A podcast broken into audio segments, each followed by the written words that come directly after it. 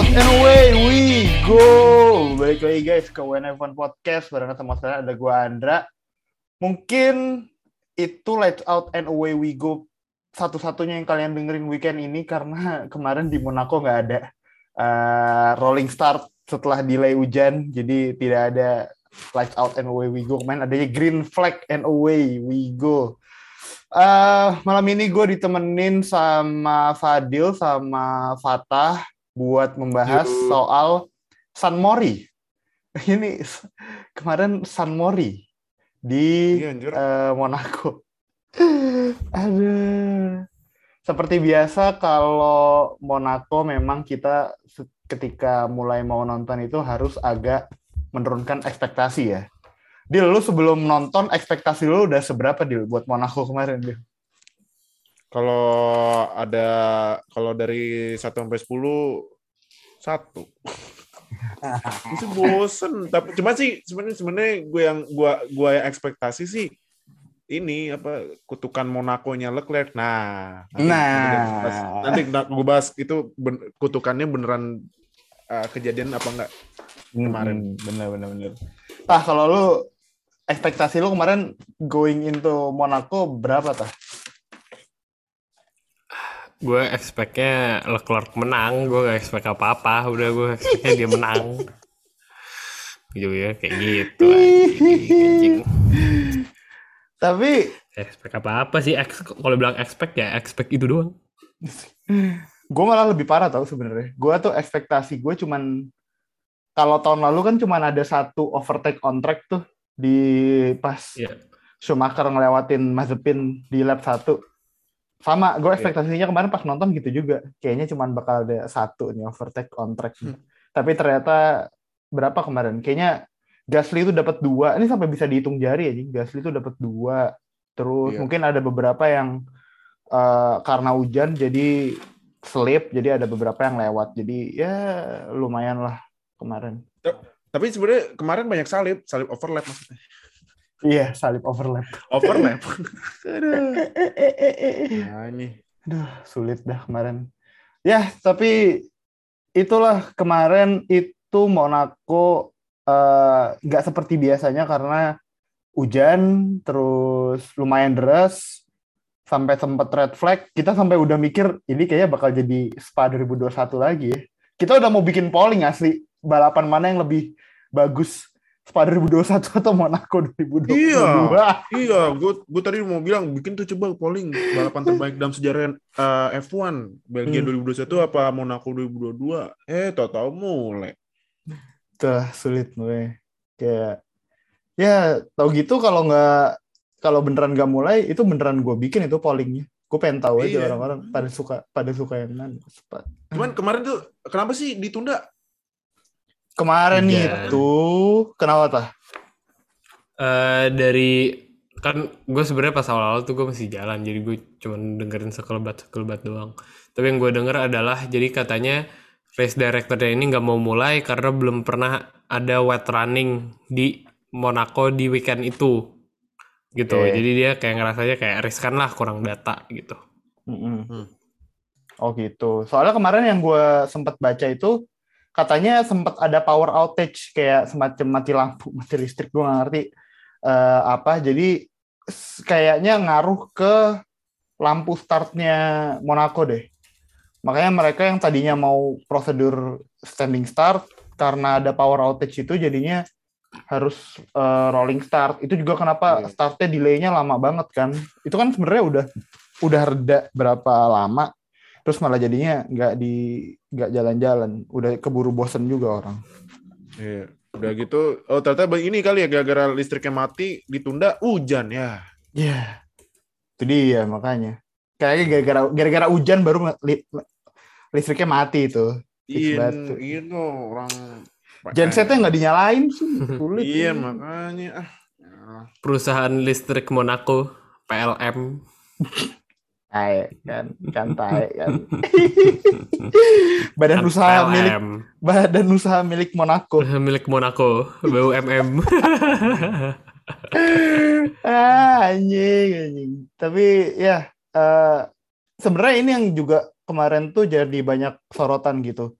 eh, ketika start dimulai itu eh ketika belum mau start itu race directornya kayak nggak ini nggak apa tuh namanya nggak konsisten buat bikin decisionnya. Kayak kenapa terlalu lama nih buat decision makingnya sebelum start? Padahal race directornya udah udah ganti terus katanya udah nggak mau Michael Masi lagi. Tapi kenapa kayak nggak ada perubahan gitu di sisi race director dan juga uh, iniannya Monaco kemarin. Tapi ya considering keselamatan driver dan pada akhirnya kita dapat balapan juga walaupun emang nggak full kemarin tuh kemarin kayaknya sekitar 60 60-an lap ya. Nggak sa- Iya, pokoknya nggak sampai 78 nggak sampai 77 Nggak. Eh, tapi udah di atas 75% race distance jarak race. Jadi eh, poin yang diraih sama driver itu tetap poin penuh. Eh, Iya. soalnya kalau misal mereka nyampe 50% tapi kurang dari 75% itu poinnya dikurangin yang menang jadi 19 poin terus sisanya eh, rada lupa gue berapaan poinnya Iya, bisa kalau dilanjut tetap dipaksain 78 78 lap tuh keburu azan maghrib sono. Mau dipakai jalanannya buat sholat. Buat sholat. Iya, sholat. Aduh, iya, bener. makanya- apa sebenarnya tuh apa kalau nggak salah peraturan F1 itu kalau race time itu maksimal 3 Tiga jam. kalau nggak salah. Tiga jam. Nah, makanya kemarin pas restart race pas dihitung-hitung 78 eh 77 lap itu nggak mungkin ti- eh pasti lebih, sorry. Pasti lebih dari limit 3 jam ya udah kasih waktu.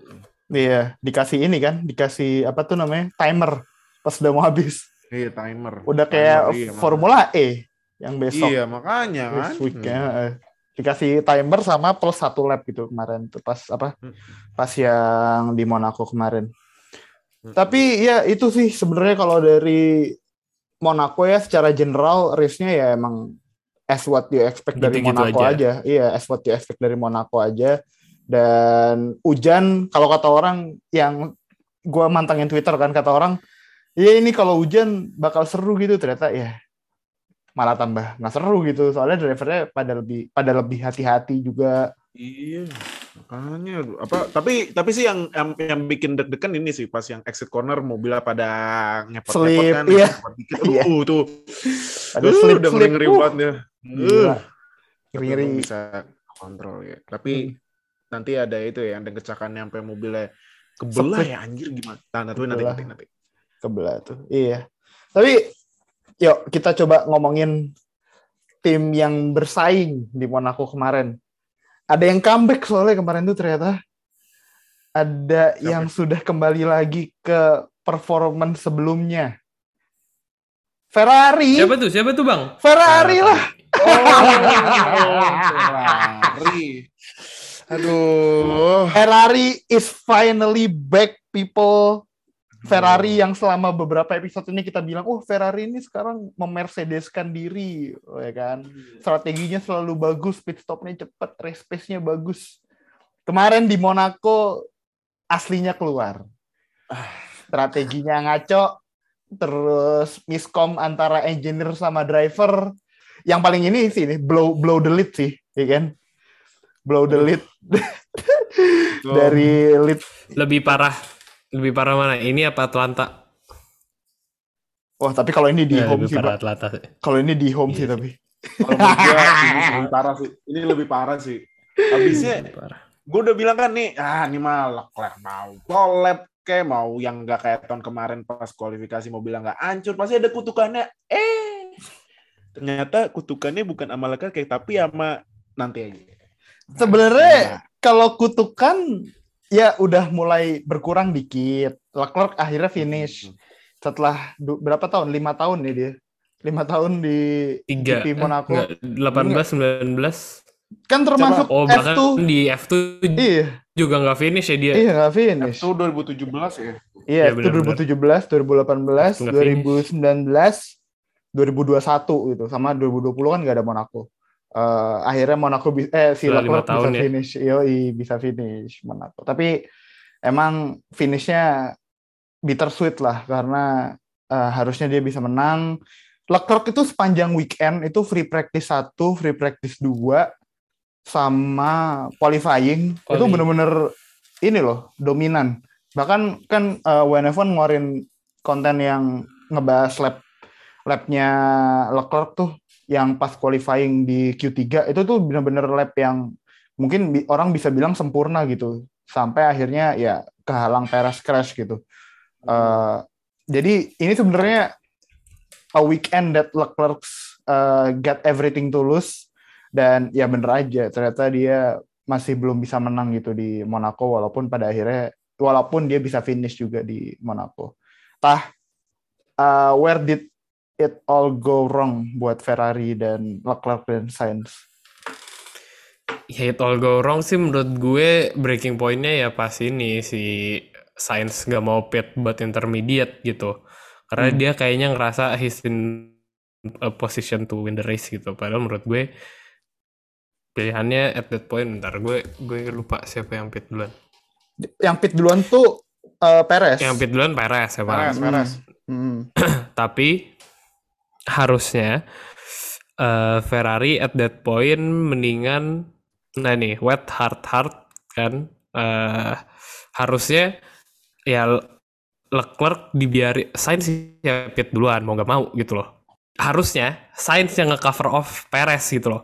It's his role as the second driver, it's his role as the guy who's not leading the race gitu. Harusnya kayak gitu. Ferrari-nya spineless juga udah nyuruh box terus gak jadi. Padahal ekspektasi gue adalah kalau kayak gitu ya udah ditunggu aja sampai kering gitu loh. Sampai udah waktunya ban hard baru kalau mau di double stack menurut gue baru itu make sense ya. Tapi pas gue lihat tiba-tiba Leclerc sama Sainz double double stack tuh gue kayak what the fuck ini emang Perez eh apa Ferrari sengajain kayak Sainz yang mau dibiarin menang apa gimana biar nggak ngambek gitu loh. Ujung-ujungnya ya Sainz gak dapat finish di Juara. P1 gak dapat menang. Hmm. Leclerc-nya finish di luar podium itu tuh bego kuadrat aja menurut gue. ah, gue kesel banget. Gak ada intinya gitu loh kayak ya terus ngapain di pit dong. Apa coba gue gue pertama kali lihat ada driver lagi mimpin race disuruh nge-cover off pembalap Yang ketiga di tiga Second eh drive. P4 di P3 P oh ya P3 Enggak, iya iya P3. benar benar P3 P3 benar benar di P3 gitu loh. Terus gue kayak ya Allah ini ngapain? gue nggak pernah liatin kayak ya Allah kayak bego tuh jangan bego-bego amat gitu loh. Gue juga sebenarnya kaget ya kayak pas eh, Leclerc masuk pit ya. Padahal kan eh, yang pertama Perez kan ya. Hmm, Perez.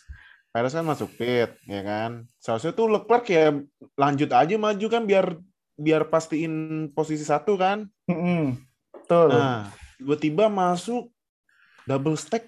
Lah, anjing ngapain? Udah gitu radionya eh apa box box eh stay on stay on stay on what, what, what, what are you doing anjir gue anjir Leclerc marah-marah ngeri banget dengerinnya nah makanya ini kutukan Monaco-nya di engineer-nya. Hmm. bukan bukan ya kan biasanya kan kutukan Monaco-nya kan antara Leclerc berulah ya kan kan 2020 2021 kemarin sebelum start. Ya sebenarnya 2021 kan technical mobil ya tapi cuman kan ya gara-gara dia belok kanan pas di swimming pool mau apa suspensinya penyok jadinya nabrak kan. Hmm, hmm. 2020 kan nggak main 2019 yang dia maksa di Raskas kan Raskas terus yang maksa eh 2019 yang maksa bukan sih? Gue lupa deh.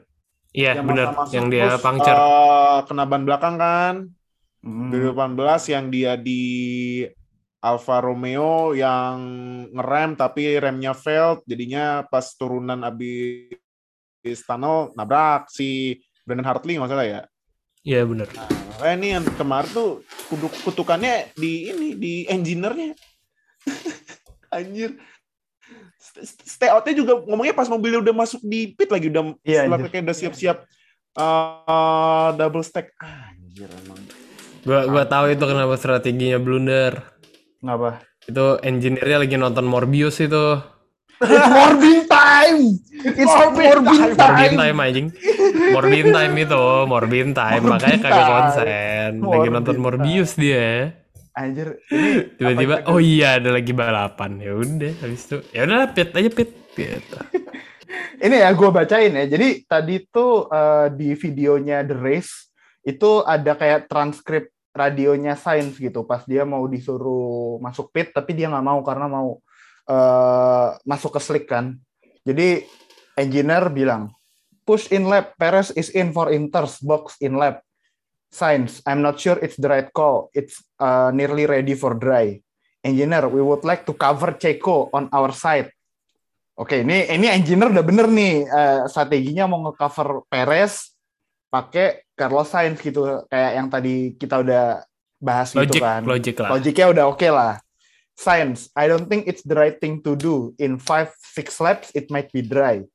Engineer, and box confirm we need to respond to Checo. Ini udah sebenarnya udah apa ya? Udah tegas gitu di situ. Uh, tapi kayaknya ini masih kayak agak jauh dari pit lane, dari entry pit lane. Jadi habis itu ternyata habis diskusi itu engineer-nya malah bilang stay out, stay out. Uh, Sainz ya, Sainz senang dong ya udah copy stay out gitu. Sebenarnya di sini kalau emang Sainz memutuskan buat tetap di dry, harusnya pilihan Ferrari itu strateginya ada dua. Uh, ya udah Perez apa Sainz sama Leclerc dua-duanya sekalian tungguin dry atau ya Ferrari tegas dikit Sainz mau nggak mau harus mau masuk ke pit buat ganti ke Inter nge cover Perez. Uh, tapi ternyata dua-duanya nggak dilakuin, yang dilakuin malah Leclerc disuruh pit duluan, uh, ganti ke Inter, Sainz di depan buat beberapa lap, tetap pakai ban wet dan nanti baru masuk pit ke hard dan di situlah uh, double stack fiasco, double stack yang nggak disengaja uh, happens gitu. Uh, siapa Sainz masuk pit, terus Leclerc tiba-tiba juga disuruh masuk pit yang menurut gue itu lucu aja sih kenapa kenapa bisa kayak gitu. Tapi ini apa sebenarnya gimana ya? Gue gue kalau misalnya suruh disuruh pilih salahin siapa Leclerc apa engineer? Gue bilang sih ya pasti engineer. Karena gini loh engineer juga ngelihat situasi ini kan sebelum sebelum Leclerc double stack kan dia ketahan di sama Albon ya. Anjir Albon udah dikasih blue flag ya kan? Udah dikasih hmm. blue flag udah dikasih digital blue flag yang kan blue flag ada yang baru Digital, kan blue flag iya. yang pakai digital pakai nomor nggak dikasih jalan kalau misalnya dikasih kalau gue ya kalau gue ya kalau gue ya. Kalau misalnya Albon udah kasih jalan terus double stack menurut gue Leclerc di depan Iyalah. iya makanya Dan Sainz pasti suruh give up position. Yes, nah itu. Nah, habisnya eh ya makanya gue balik lagi kalau disuruh salahin siapa ya salahin engineer-nya. Kenapa nggak lihat ini, nggak lihat kondisi Leclerc yang ketahan mul- ketahan di belakangnya Albon. Kalau misalnya udah tau ketahan gitu kan mendingan udah lanjut aja jalan. Eh toto eh, box box eh stay out, stay out, stay out. Ini oh, langsung anjir gue aja nonton TV langsung kecilin volume loh. Dengerin Leclerc marah-marah jadi ya baik lagi salah engineer Iya, bukan makanya. salah Leclerc karena Leclerc mau maksa maju juga Albon yang nggak kagak kasih pinggirannya udah tembok ya kan eh enggak Hmm. tembok juga sih pembatas pembatas track jadi ya, barrier. barrier jadi ya udah tanggung jawabnya engineer dong buat harus ganti strategi secep apa harus ganti strategi saat itu juga. Jadi ya Hmm. ah kutukan Monaco ya di engineer-nya nih. Ah padahal udah Ferrari udah build up awal musim keren. Sekarang gue lihat peringkatnya aduh Leclerc sama Perez udah deket. Ah race-nya sih masih banyak iya. Cuman ya pressure-nya udah mulai Iya. naik. Kalau kalau yang Dan momentum sih pastinya. iya iya. Dan tapi yang kalau tim Abu mah gak usah Nggak pikirin itu, nomor nggak empat. dihitung kalau itu, nggak Iya, dihitung. cuma nom- nomor enam Yang tiga itu aja yang dapat dipikirin yang itu dapat lima perat lima atas aja udah bagus itu mah. Iya, dan nomor 63 aja yang dipikirin yang 44 mah ada ngedumel aja sono di belakang Alonso. Eh. Aduh, KRL, KRL. Tapi tadi balik nih, eh, Williams. Ini ini ini sebenarnya gue nggak tahu ya ada apa di pikirannya dua driver Williams ini. Eh, Albon sama siapa? Albon sama Latifi itu eh, di blue flag buat Albon ngasih jalan buat Leclerc, terus Latifi ngasih jalan buat eh oh ya bener Latifi ngasih jalan buat Sainz gitu. Eh, tapi gue tadi lihat videonya yang Sainz kan, Latifi itu dikasih 6 digital blue flag loh. Yang di Ah. pinggir-pinggir itu tuh ada 6. Gue Iya. ngitung tuh berapa blue flag sebelum dia ngasih jalan gitu. 6. 6 blue flag. Dari awal dari setelah turn 1 sampai tunnel. Dia baru ngasih jalan tuh di tunnel. Kenapa gitu loh. Eh, pembelaannya Albon pas itu adalah kalau katanya kalau Ferrari dibiarin lewat karena Williams punya pace, Williams bakal bisa nge-overtake Ferrari lagi dalam tiga turn gitu katanya kan gak masuk akal gitu. Gak masuk lah Eh, gimana. maksud gue kalau lu emang punya pace tapi di depan lu eh, mobil yang di yang nge-overlap, ya lu lu yang tahan diri gitu loh, jangan malah lu yang nggak tahu diri buat nggak ngasih jalan ke Ferrari gitu. Ini gue lucunya di sini sih. Eh, Padahal tuh apa? Iya. Padahal tuh sebenarnya Albon juga kalau kasih jalan yang ini kan habis lewatin hotel ya, kan belokan kanan hotel kan. Terus kan yang di kanan dikit karena ada step yang jalan yang rada step yang nggak boleh lewat. Kalau misal lewat takutnya kena apa tetap gas mobilnya melintir kan. Hmm. Terus kan yang belokan kanan sebelum hairpin.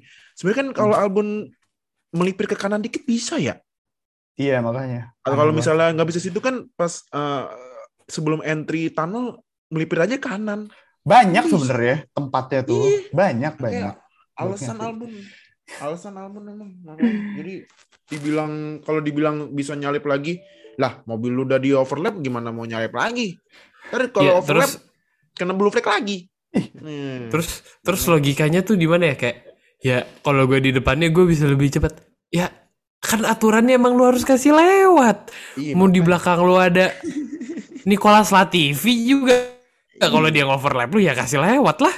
Iya makanya. Ujung-ujungnya lu lebih cepet. Mau belakang lu tiba-tiba ada Nikita Mazepin juga. Ya udah kalau dia lebih cepet mah kasih. Iya. Kalau kalau menurut gua overlap car bisa ngelap lagi kalau misalnya mobil yang paling kenceng ada rusak. Kalau nggak rusak mah ya Iya, mau iya. nyalip kena blue flag lagi. Iya. Gimana? Benar-benar. Ya, tapi ya gitulah pokoknya. Kemarin emang kayak nothing goes right gitu loh buat Ferrari. Eh, strateginya salah, ditahan dua Williams yang tiba-tiba berasa jadi 1990s Williams, ngerasa kalau Ferrari rival terberatnya mereka. Eh, terus eh, apa wet wet race sih menurut gue juga ngaruh sih soalnya balapan basah di Monaco ini bukan sesuatu yang sering kita lihat dan mungkin strategi mereka jadinya agak amburadul gitu karena ini bukan kondisi yang sering ada di F1 juga. Jadi ya buat Ferrari masih banyak race eh, jangan sampai Ferrari di gara-gara satu kesalahan di Monaco doang mereka jadi kayak eh, down bad, Jeblok. implode segala macam jeblok lah. Eh, masih masih ada waktu buat bikin battle lah sama tim yang kemarin menang dan dua tahun berturut-turut tim ini menang di Monaco. Sekalian gua persilahkan masuk buat dua teman kita yang akhirnya join juga nih. Jadi kita malam ini lengkap. Eh, Nuha sama Oke, selamat datang di review review San Mori Monaco. Ini kita udah bilang, Mir San Mori Monaco nih kemarin. Eh, Hai hai. Nuha oke pada nonton full kemarin apa ketiduran di tengah? Alhamdulillah sampai full. Alhamdulillah sampai full. Nuha, Nuha kan menang. nih ntar karena Noah masih AFK nih gua gua aja ya gua aja ya Andra ya Hmm. pas eh, Ferrari apa keluar pit abis itu gue lanjut tidur udah gue udah bodo amat Oh, sumpah? Oh, serius? Sumpah demi Allah gue gue tidur gue tidur gue udah nggak nonton Pok eh enggak enggak sorry sorry abis red flag mulai nah itu gue udah tau kan tuh Oh. udah gak ada harapan nah Iya. udah gue tidur tuh Yang crashnya ini ya? Crashnya siapa? Crashnya Schumacher ya? abis abis abis make abis red flag restart tuh gue udah kayak ah ini udah gak ada harapan udah gue bawa tidur aja lah Iya, itu itu Sama enaknya Mas itu enaknya Monaco sih. Lu nggak perlu nonton sampai habis buat tahu kalau hasilnya bakal kayak apa. Ya, terus kalau nggak ada kecelakaan apa-apa sih. Lu lu udah tahu lah hasilnya nggak bakal banyak berubah gitu. Buat terus kemarin. Tapi ya, oke, mari kita bahas soal tim yang menang kemarin lah. Eh, Sergio Perez dapat kemenangan ketiganya sepanjang karir sekaligus menjadikan dia sebagai pembalap paling pembalap Meksiko paling sukses di F1 eh, dengan 3 GP win. Terus ini juga kemenangan Perez pertama di Monaco, kemenangan keduanya Red Bull berturut-turut di Monaco. eh tapi kemarin emang kalau ngelihat sepanjang weekend ya, eh, kalau Leclerc sama Leclerc itu dominasi di FP1, FP2 sama qualifying, di FP3 tuh emang yang paling bagus tuh Perez dan kelihatan kayaknya Perez lebih nyaman sama Red Bull di Monaco kemarin daripada uh, Verstappen gitu. Walaupun emang Perez sama Verstappen ya nggak ada bad blood juga itu buat sekarang. Uh, Verstappen kayaknya masih masih rela lah Perez buat menang beberapa race di sini dan di sana gitu. Kayak lo kalau ngelihat uh, performance Perez kemarin di Monaco mengesampingkan fakta bahwa Ferrari ngebattle race-nya mereka sendiri. Uh, lo impresif impress gak sih sama Perez di Monaco kemarin? Hmm. Ya untuk untuk driver sekelas Perez menang di Monaco itu apa ya sebuah keharusan apabila dia mimpin ya dia kan dapatnya hmm. kan hasil dari justru gua lebih kagum sama strateginya Red Bull sih yang benar-benar bikin Ferrari sampai amburadul berantakan gitu. Digertak sama dua overcut itu langsung panik. Iya yeah, gue yeah, sih gue sih lebih gue sih lebih impress sama strateginya Red Bull ya. Mereka bisa memaksimalkan peluang yang ada. Ya kalau kalau soal masalah Perez jago atau atau enggak ya driver sekelas Perez udah 10 tahun lebih di F1 melibas Monaco itu bukan sesuatu hal yang sulit Oke. Okay. Yang yang karena bisa dibilang di Monaco ya balapannya itu di pit lane bukan di sirkuit. iya lagi. Iya bener. Dan kemarin sih, emang kalau, kemarin Red Bull iya juga sih, double stack-nya. Lebih... Kemarin Red Bull double stack-nya ini ya, apa mantep ya. halus banget lah. Ya Red Bull kembali lagi ke Red Bull yang biasanya hmm. dengan performa pit pit stopnya yang tidak usah diragukan lagi. Hmm. Itu sih. Kalau kemarin Red Bull menang benar-benar pure karena tim kalau menurut gua. Hmm. Oke. Okay. Ya uh, kerja sama tim dan gak ada yang kayak apa ya uh, walaupun dan, gak ada yang kayak ngelawan strategi tim gitu loh kalau kemarin tuh ya. Gak ada gak ada. Hmm. no ya ini uh, mereka menang benar-benar dengan zero mistake gak ada kesalahan sedikit pun. Hmm. sampai itu loh uh, gue barusan baca tadi itu Binoto sempat ngomong ke gak tahu ke media apa ke mana sampai mau start pun cuaca hujan Red Bull itu belum pasang ban. Gitu. Red Bull itu Red Bull itu belum pasang ban. Mereka bakal mau pakai ban apa. Itu sih yang itu. yang itu itu itu salah itu apa ya ibarat kalau di bola itu cyber gitu. Lo tim lu itu nggak nggak belum tahu lawan lu bakal kekuatannya kayak gimana gitu. Itu sih hmm. keren sih itu. Menurut gua keren. Yep yep yep yep yep.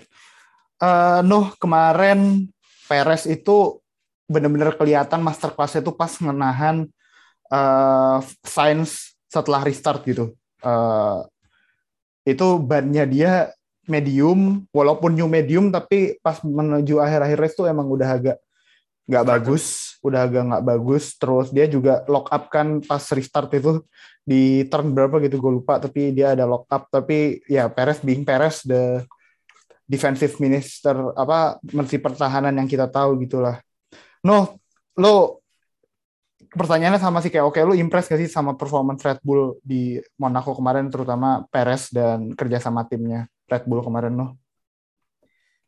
Kalau dibilang impress iyalah jelas karena after all of the drama di Spanyol ya. Hmm.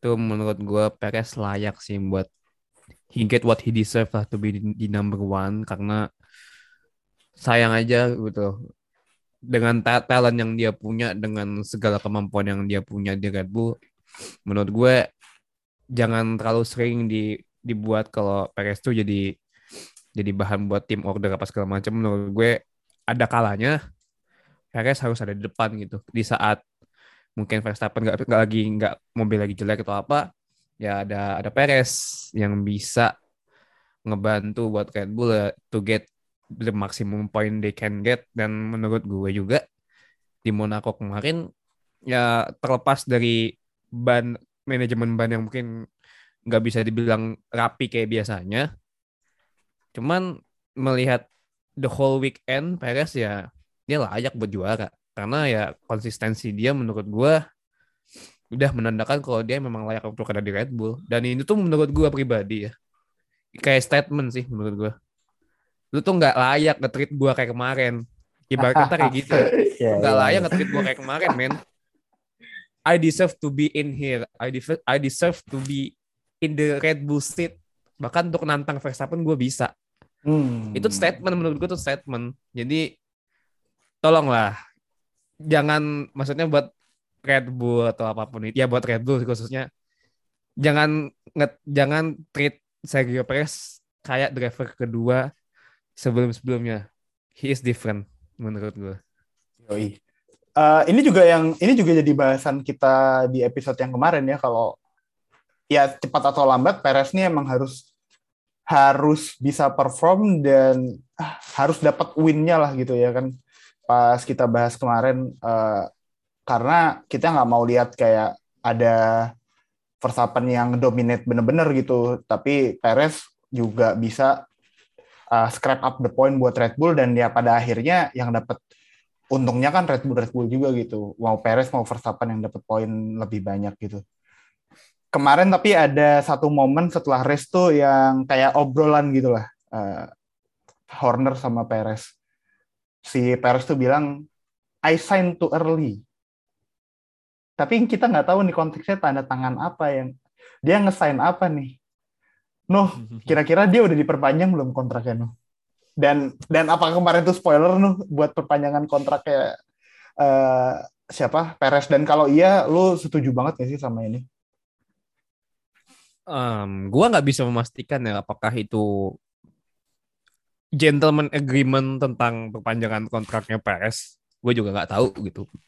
Soalnya kalau misalnya gue proyeksiin sih Harusnya. paling gue seharusnya memang cukup dua tahun aja ya.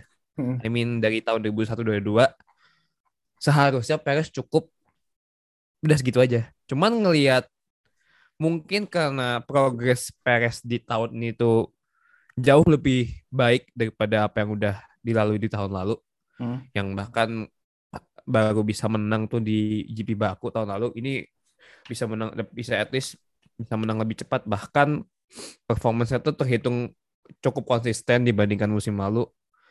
Kalau memang akhirnya beneran secara resmi diperpanjang, secara pribadi gue nggak masalah sih karena ya lu punya second driver yang bisa ketat bersaing dengan Verstappen ini yang mereka cari sebenarnya yang mereka bisa ngasih ya at least bisa ngasih Verstappen tuh nggak tenang lah kalau dia tuh ada di depan. Terus oh, gue nggak tenang nih kalau misalnya gue tenang di depan. Terus ada biasanya kan kalau cuma sama apa Gasly atau siapa Albon ah ini mah ah ecek gitu mah. Ya kayak ngeremehin aja lah ecek lah gini.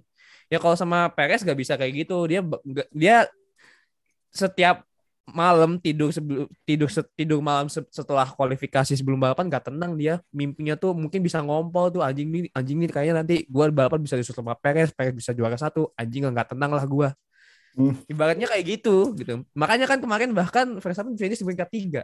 Tandanya ya somehow bisa di di salib sama Perez kapan aja. Jadi ya kalau emang benar diperpanjang ya gue happy sih. Karena melihat dari stok driver yang ada, gue nggak yakin Gasly bakal naik Red Bull lagi hmm. setelah dia punya bad blood juga gitu. Hmm. Gue nggak yakin sih, jujur aja. Hmm. Kalau Sunoda it it is it's too early karena masih inkonsisten Sunoda. Jadi ya the best available ya menurut gue ya Sergio Perez dan udah proven juga kok. Yep. Jadi ya kenapa enggak? Perez dan menurut gue juga Gasly kayaknya setelah pengalaman di, di Red Bull malas juga ah balik ke Red Bull sih. Dia sih paling bakal kayak Ricardo sih menurut gue bakal jadi journey journeyman gitulah dan yeah, ya bener yang lu bilang sih noh kayak Sunoda juga kayaknya belum worthy buat masuk di set Red Bull itu. Sama ini apa menurut gue uh, walaupun pas di GP Spanyol si Perez yang sempat ini kan sempat marah-marah kan dibilang gue kan udah kasih jalan ke Max kenapa ini lagi? Terus seseres kita harus ngomong nih kan. Nah terus akhirnya kemarin menang mungkin kan kalau kalau ini gue ya apa analisis sotoy gue kan mungkin ini buat ngebayar kemarin ini kan kemarin udah ngomong kan Perez sama Horner. Nah Cuman ya gimana ya, Perez kalau mau ngelawan juga, ya ini kesempatan dia buat menang di Red Bull. Jadi ya, ya nggak bisa ngelawan masalahnya. Ya. Perez nggak bisa mau ngelawan ya ya mungkin Red Bull bakal cari cara buat penggantinya ya tapi ya resikonya kapabilitasnya nggak sebagus Perez tapi ya Perez sebagai sebagai Perez ya jangan melawan mending nurut aja tapi ya ada saat di mana Red Bull ya udahlah nih karena lu udah kasih jalan ke Max kita kasih lu berapa menang gitu kan main dari kasih dan ini juga poinnya kan kalau gue cek uh, Perez 110 kan ya? Iya. Yeah. Verstappen 125. 110. 16 beda poin. 6 poin sama 6 poin sama Leclerc. Leclerc. Sama Verstappen beda 15 hmm, poin. Jadi ya ya mungkin Perez bakal kena tim order buat kasih jalan Verstappen tapi ada saatnya Perez mungkin bakal pull the Rosberg kali. Hihi, itu itu itu sih ya. yang kita nggak tahu. Tapi, tapi kalau mas kalau kayak Rosberg Hamilton kemarin sebenarnya ada potensi bakal kejadian kayak gitu gak sih? Di Spanyol itu. Makanya kayak Red Bull kayak bener-bener ngasih precaution dari awal. Mereka nggak mau beresiko udah kasih aja dulu lah. Udah kasih dulu. Kalau gue sih bacanya kayak gitu ya. Gue sih gue sih pik, uh, pikiran gue juga menjurusnya ke sana ke ke arah Rosberg Hamilton gitu. Soalnya satu muda satunya udah tua gitu. Maksudnya udah udah udah lebih berumur lah. Kan sama dulu kayak Rosberg Hamilton kan gitu. Mereka nggak seumuran.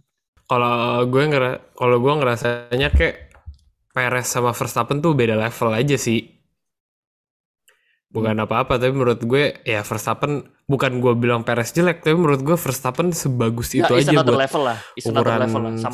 iya gitu lah levelnya ya kalau gue ngomong mau blunt banget ya dia bisa bilang levelnya Schumacher Senna Hamilton lah udah udah selevel oh. itu gitu ada potensialnya Alonso iya, 2005 Alonso 2005 2006 muda dan apa berambisius banget lah gitu. Jadi maksud gue kalau lu mau bilang apa apakah Perez bisa pull the Rosberg menurut gue nggak nggak terlalu likely karena nggak selevel gitu loh. Hamilton sama Rosberg kan skill wise ya sempat selevel gitu tapi apakah dia bisa separah bisa ngerusak hubungan mungkin aja cuman sampai ngambil championshipnya sendiri menurut gue nggak terlalu likely. Mungkin kalau Hamilton Rosberg seumuran kayaknya mereka pada di level yang sama Teta.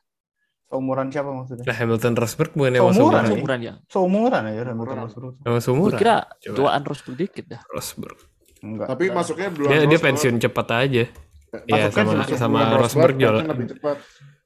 Tapi cuman nah. kalau menurut gue walaupun Perez segitu ada pada Max tapi kayaknya kayaknya ya kayaknya kayaknya Red Bull udah ngeliat oh nih Perez paling cocok buat membantu kita kita as Red Bull sama Max ya buat bantu Max jadi juara dunia dibanding sama teammate kayak Ricciardo, uh, Gasly sama Albon. Jadi menurut gua kontraknya bakal di extend karena yang mau cari penggantinya siapa siapa siapa sih pembalap junior Red Bull? Siapa? Liam Lawson ya? Yuri Vips, Lawson, Yuri Vips sama Lawson. Yuri Vips. Menurut Yuri Vips sama Lawson. Masih belum capable. Mau ambil Yusunoda juga, wah pressure-nya. Ya ada Sunoda ngomong kasar, makin ngomong kasar lagi. Kan. belum ada pengganti kayak ini ya, bener-bener kayak Vettel Weber belum ada kayak gitu ya. Belum. Nah, menurut gua iya nih sekarang nih sekarang nih karena Perez menang dan poinnya beda dikit, menurut gue ini situasinya udah kayak Vettel Weber. Apa kita harus nunggu Perez bilang not bad for a second driver nih? kan kemarin kan pas Spanyol udah kode kan, udah kode kan we need to talk ya kan, we need to talk, ya kan. Jadi, kemarin udah, nih kemarin kasih menang dah gitu, biar enakan lu gitu. Kemarin di Monaco nih uh, driver pertama musim ini yang menang yang namanya bukan Verstappen atau Leclerc. Jadi Oh iya. Oh ya? Iya. Iya iya iya musim, musim ini. ini baru tiga oh musim oh, iya? baru tiga, tiga orang yang menang menang hmm. Grand Prix. Iya baru tiga iya. Baru Verstappen, Verstappen Leclerc sama Perez kemarin baru Perez. satu.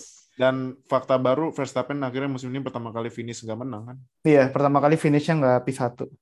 Nggak P1. Oke. Wah anjir. Gila konsisten itu musim ya. kemarin kan terakhir terakhir musim kemarin kan. Apa? Yang menangnya banyak, iya musim kemarin. Ada iya. Ocon sama si Perez kan sama Ocon sama ini Ricciardo. Ricciardo. Ricciardo. Ya, ilah sih. Ini lagi. si Mid Retat. Nah. Si, Nggak usah dibah. si kalau pada dengerin podcast kita kita udah di cancel. Udah. Cancel. Udah. Oh, oh iya. Udah nih. Udah pada bawa pengacara. Ini kita bikinin Ricciardo space aja bentar. Tapi nggak usah nggak usah dibahas lah Ricciardo uh, airtime-nya nggak usah banyak-banyak. Eh tapi ini Sama tadi kayak- sama eh Sama kayak gua di airtime-nya nggak banyak sama kayak poinnya. Eh, maaf. Tunggu dulu nih, gue mau nanya nih sama lu semua yang denger ya, denger podcast ini. Lu ngapain sih ngebela Ricciardo? Anjir lah. ngapain? Apa lu karena nonton DTS? Apa Daniel to Survive ya? Daniel Tussauds. Anjir. Suruh aja. Tapi tapi Kepikiran menurut gue banget. dan menurut gue itu emang DTS tuh jangan drive to survive sih. Emang harusnya Daniel to survive karena Iya. selama ada DTS kerjaannya Daniel Ricciardo cuma survive untuk bertahan di F1 doang. Aduh. Pas season 1 kan dia ini ya, kebaca cari cara ya. Season Ya, 1 ya. dia di season 1 dia di Red Bull kan sih? Eh, di Renault ya? Ya Renault. Renault. Renault ya kan. Terus season 2 masih eh, Season Ini satu juga masih di Red Bull. Masih di Red Bull. Masih di Red Oh, Bull. di Red Bull ya?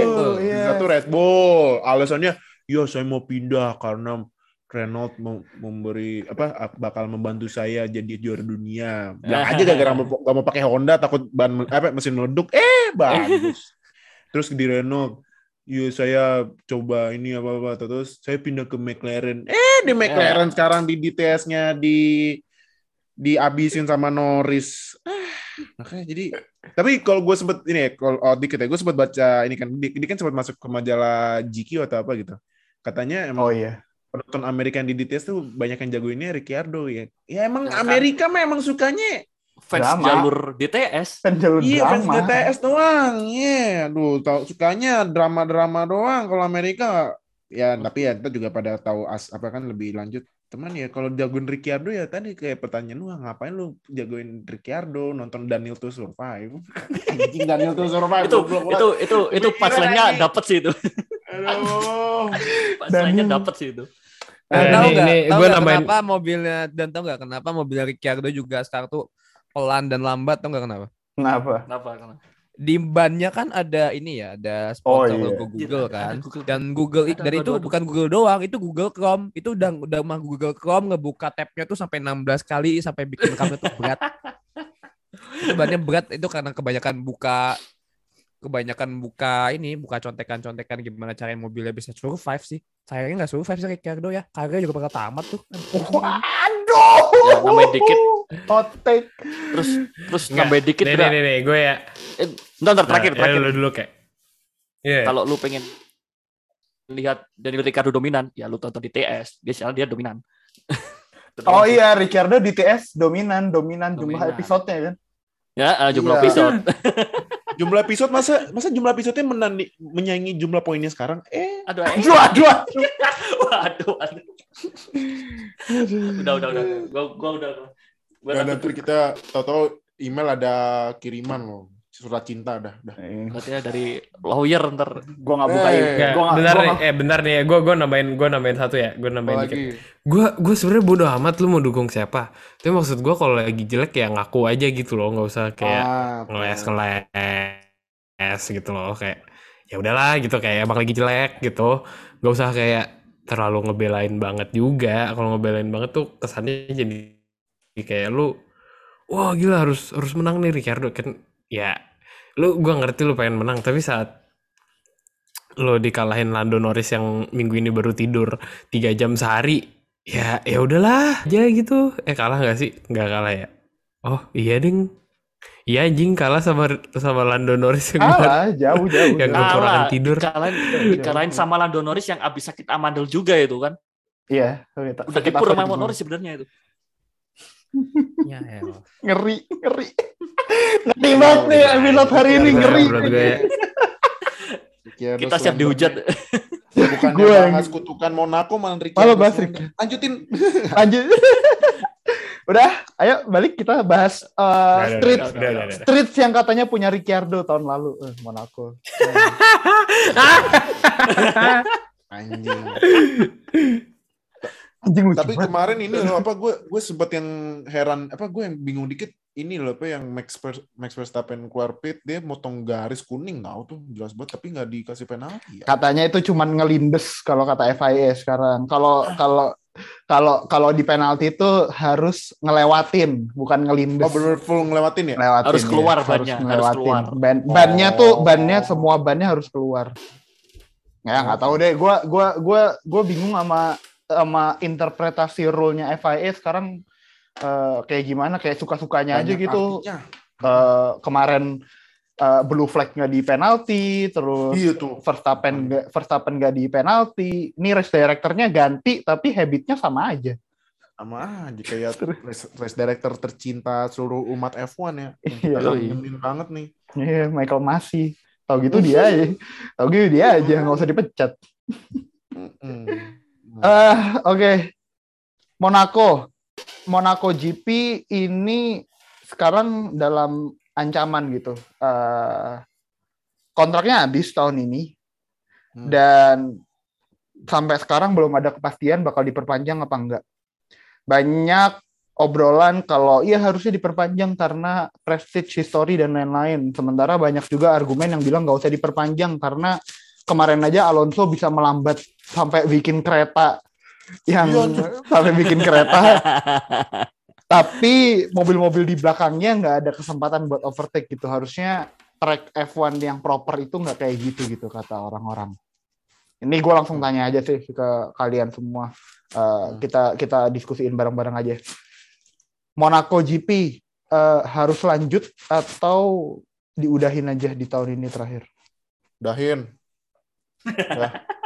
Habisnya ya contohnya gini kan kemarin Alonso kan yang pas nahan itu yang bikin kereta kan kereta KRL. komuter lain. eh, Manggarai Manggarai Manggarai kalah rame pak kemarin. Manggarai kalah rame. Nah itu kan katanya kalau nggak salah karena ini kan re- apa engineer bilang tahan ban kan. Hmm, nahan ban. Kan ya kan. Karena kan Monaco itu tipikalnya ban degrad karena aspal yang bukan aspal standar jalanan track terus juga mm, lumayan high speed sebenarnya itu juga angle belokannya kan juga setirannya tinggi jadi kan makan ban banget ya kan Hmm, hmm. nah itu dilihat dari Alonso bisa gue aja bingung nih ini kenapa Alonso jauh banget sampai 35 detik dari di belakangnya Norris ya nah Iya. itu aja udah bukti bahwa ya, Bahwa Ricciardo mid apa enggak? Bukan. tetap aja anjing tetap aja anjing tetap eh, eh, maksudnya ini apa Lanjut, ya, lanjut, lanjut, bukti, Monaco emang udah ya kalau menurut gue ya buat bisnis aspek sebenarnya masih layak ya Oh Karena- layak, rame. rame. karena masih Sepi. ditonton tapi buat aspek penonton enggak udah jelek anjir kalau misalnya disuruh pilih ya gan kalau misalnya disuruh pilih eh Monaco misalnya udah selesai gantiin siapa menurut gue ada satu yang cocok nih ini tracknya track legend apalagi ada momen Vettel Weber pasti udah tahu sih siapa Las Vegas. Vettel. bukan Oh, bukan. Bar, belum, belum, belum, belum. Nah, terus juga kalau misalnya mau masang DRS zone ini menurut gue bisa tiga loh, malah bisa empat menurut gue. Kalau misalnya mau dipaksain, ambil Sepang aja. kalau mau. Yo. Yo, Ya, anjing. Balikin Sepang. sumpah. Sepang tuh kalau lihat kan eh, buat DRS zone-nya bisa yang main straight ya kan. Hmm. Terus yang Nah. abis belokan kanan kiri muter terus kanan dikit kan ada yang lurus dikit tuh yang belokan kanan tikungan berapa sih gue lupa. Nah itu bisa DRS. Nah terus yang eh, lurusan sebelum hairpin ke kiri bisa DRS. Hmm. Nah sama sebelum pit itu kan lurus kan lurus terus yang hairpin kiri lagi. Nah itu bisa DRS. Bisa Apalagi- jadi tikungan itu kan tadi main straight deal. Nah, Iya. main straight terus Bisa, itu bisa tiga atau empat malahan. habis Itu- itu 8 te- apa tikungan 8 ke 9 tuh bisa. Iya. Terus Heeh. habis itu terakhir lurusan terakhir Nah, iya, itu iya. itu. Makanya jadi apalagi kan ya lo tahu kan Malaysia itu kandangnya Petronas ya kan. Wus, wus, wus, Ah. wus. Petronas sponsor utama Mercedes. Nah, ya udah bawa balik aja. Bawa balik aja sekalian bisa nonton deket nih. itu sih, itu yang penting dan kan, harganya gitu, dan harganya lebih murah dari Singapura. Iya, nah, harganya lebih murah daripada Singapura. Singapura mau banget, mau banget tiketnya. Murahin dong. Murahin. Murahin. Murahin.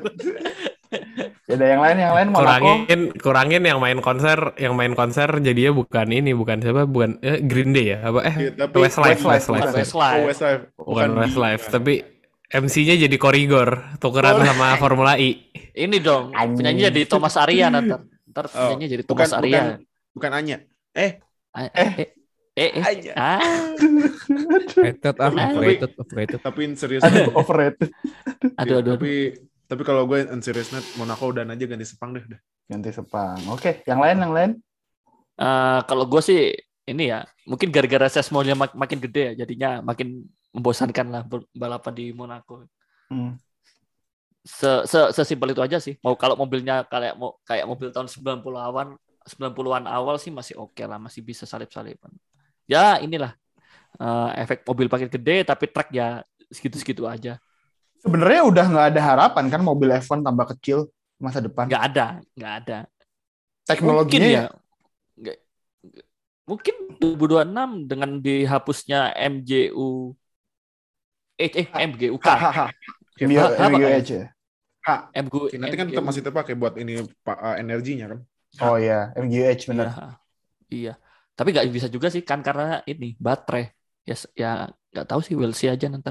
Sebenarnya kan mobil mobil sekarang kan makin bongsor gara-gara mesinnya gede, ada dua motor itu, udah motor segebok itu di kiri kanan.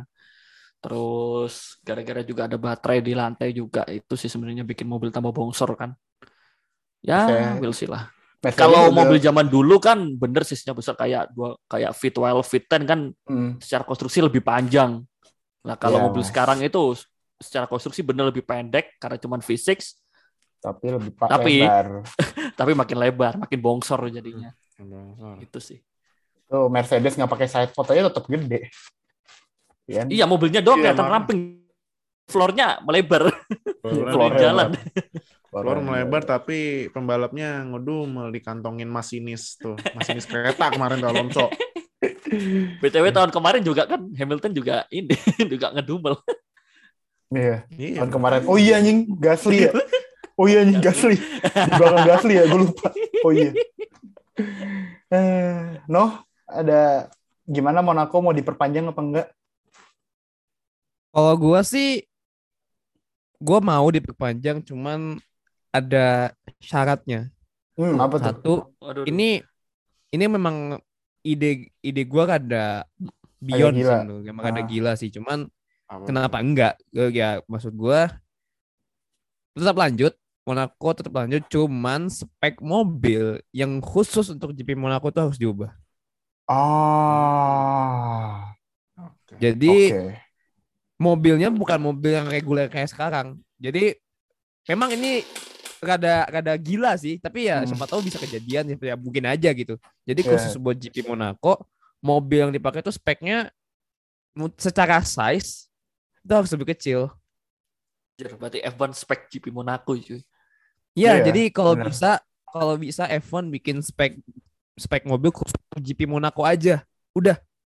Yang Indy penting 500 gitu ya. Ya, Iya. Iya, jangan iya, kayak gitu. betul. Benar.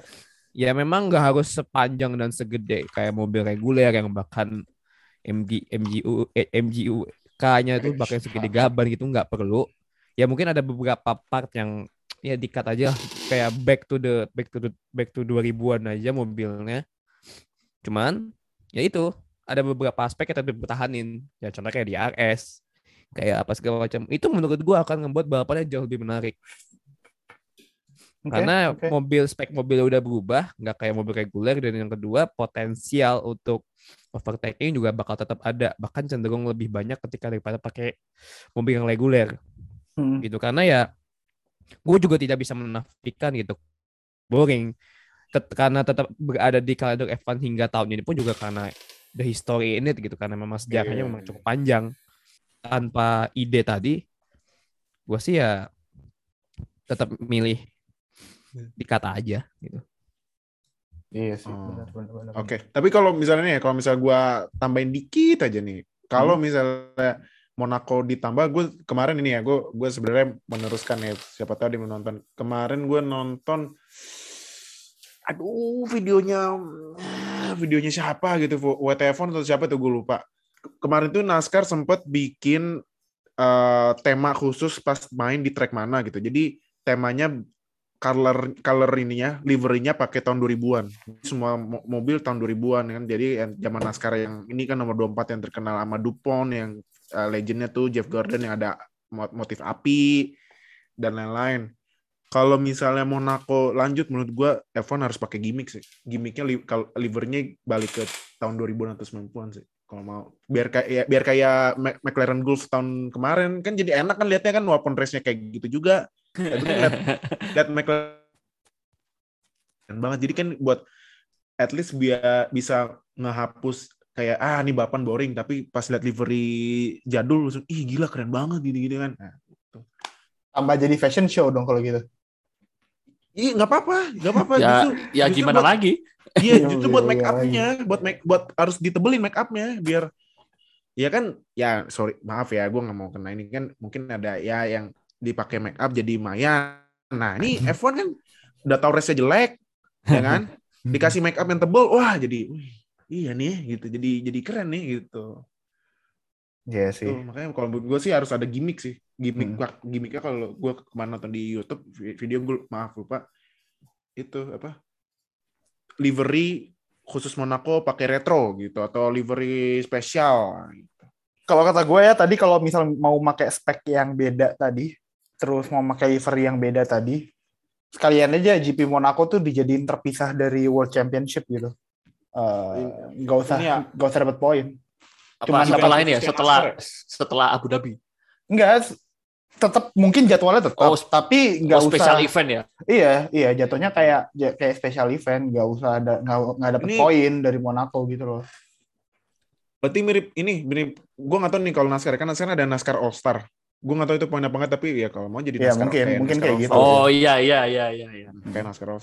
yeah. enggak kalau kalau gue sih kalau misalnya kayak gitu gue agak kurang setuju sih ah oke okay.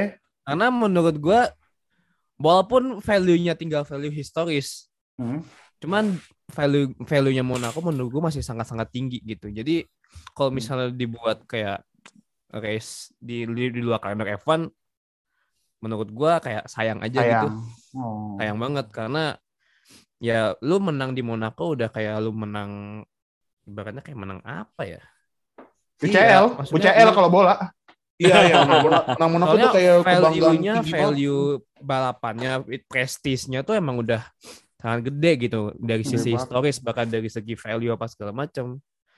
Menurut gue emang ya baik lagi tapi emang sayang banget value yang ada sekarang memang tinggal value historisnya doang sih itu banget yang sangat gue sayangkan gitu. Yeah. Jadi kalau memang dipertahanin ya cuman ya balapannya bakal tetap gitu-gitu aja. Modifikasinya Dan, banyak deh. Harus ya modifikasinya bakal kalau memang mau bikin balapan di Monaco tuh seru lagi, modifnya harus radikal, emang harus dirombak total dan rombak total bukan dari track, memang harus dari segi mobilnya. Hmm. Track nggak bisa diapa-apain. Udah gak bisa diapa-apain lagi gitu. Dan dan juga kan empat tahun belakangan Red Bull juga kan yang menang kan ya dari 2018 Red Bull 2019 19. Red Bull 2020 eh. nggak ada 2021 Red Bull 2022 Red Bull 2018 Hamilton, Hamilton. special ya. Hamilton. 19 Hamilton. Ricardo ya gue baru ingat. Di 4 tahun ya, udah 4 tahun. 4 tahun Ricardo nggak menang. Dengerin tuh fans Ricardo. Eh, eh tahun lalu menang. Eh, nah, maksudnya eh, kemenangan eh, terakhir di Monaco, di Monaco. Oh, Monaco. Monaco. Monaco. Iya, iya. Oh, tahun lalu saya menang. Oh. menang, menang kan juga gara-gara badut momen Max sama Hamilton. Jadi emang ada external factor. Kalau ada, ada, ada, ada, ada, harus sering bantuin. Dan yang bantuin bukan Norris juga. Aduh, Norris. Bagus kan Norris. Gue bangga sama Norris. Didn't see that coming. Gue sempet-sempetnya ghosting Ricciardo kan. Punchline ini. Tapi Eh iya, tapi gue baru sadar ya, tiga dari empat Monaco GP terakhir tuh Red Bull ya. Bener iya. bener? 18, 18, 21, 18. 22, iya bener-bener. Iya, iya, iya, iya. Menarik. Tah, lo dari tadi belum nih Lupa gue soalnya sama lu tah. Kenapa, kenapa, kenapa, kenapa? Jadi Monaco mau diperpanjang apa enggak? Eh, gue sih ngikut aja.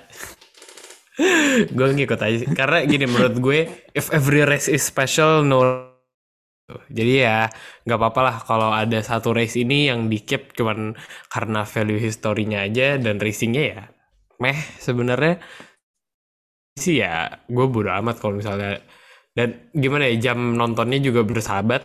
Kalau race mulai jam 8 waktu bersahabat juga sama gue ya ya udah gue sih sebenarnya rada bodo amat sih Monaco mau ada apa enggak gitu. Kalau ada bagus kalau nggak ada juga ya udah nggak apa-apa bisa diganti dengan track yang lebih seru kalau gue pribadi sih ya. Hmm. iya iya iya. Tapi ya maksudnya lumayan mengkhawatirkan karena sampai ya buat fans Monaco sih sampai sekarang belum ada kepastian Monaco bakal diperpanjang atau enggak.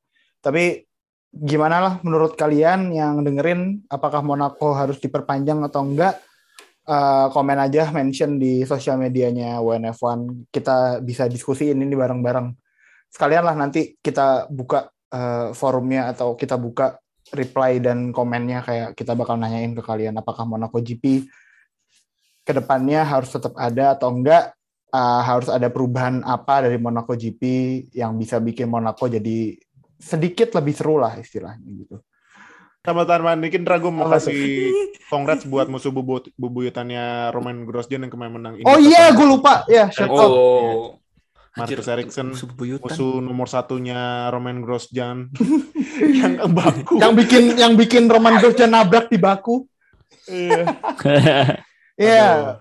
Uh, kalau ada kalau ada orang yang bilang pembalap Sauber 2018 uh, bakal menang salah satu dari triple crown-nya racing dan bukan Leclerc susah dipercaya sih. Padahal itu di weekend yang sama gitu. Itu Leclerc bisa aja tuh kayak Leclerc menang Monaco terus si Marcus Ericsson menang Indy 500 dua-duanya dari Sauber 2018 Sauber. ya kan. Uh, ternyata malah sih. ternyata malah alumni Sauber yang lain yang menang Monaco tapi bukan yang satu satu angkatan nama Erikson gitu. Jadi ya benar sih menang Indy 500 itu itu bergengsi sih itu. Iya sih emang. Itu patut patut dipamerin gitu. Ini gua menang Indy 500 cuy. Hmm.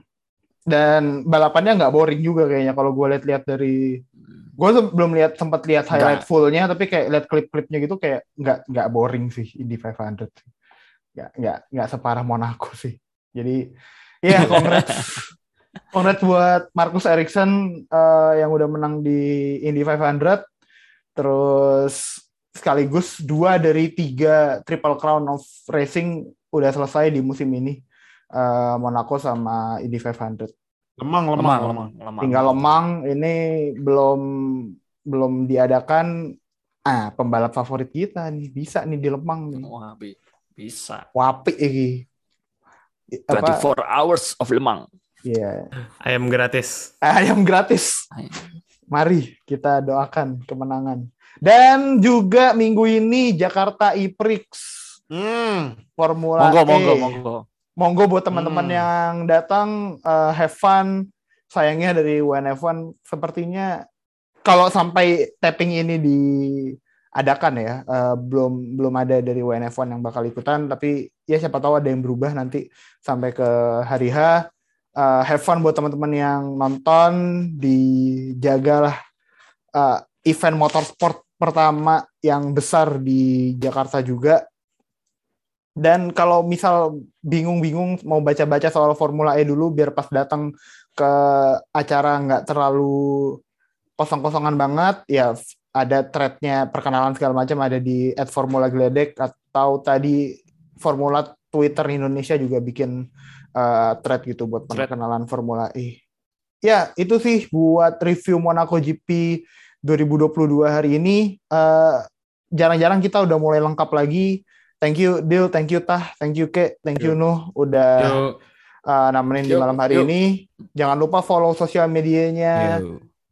WNF1 ada di Instagram, di Twitter, dan di TikTok at WNF1 Official. Dan join ke Discordnya WNF1 di pin tweet kita linknya di Twitter paling atas jadi langsung join langsung ngobrol sama pencinta F1 yang ada di uh, Discordnya WNF1. Thank you buat semua yang udah dengerin and we'll see you guys in our next episode. Bye guys.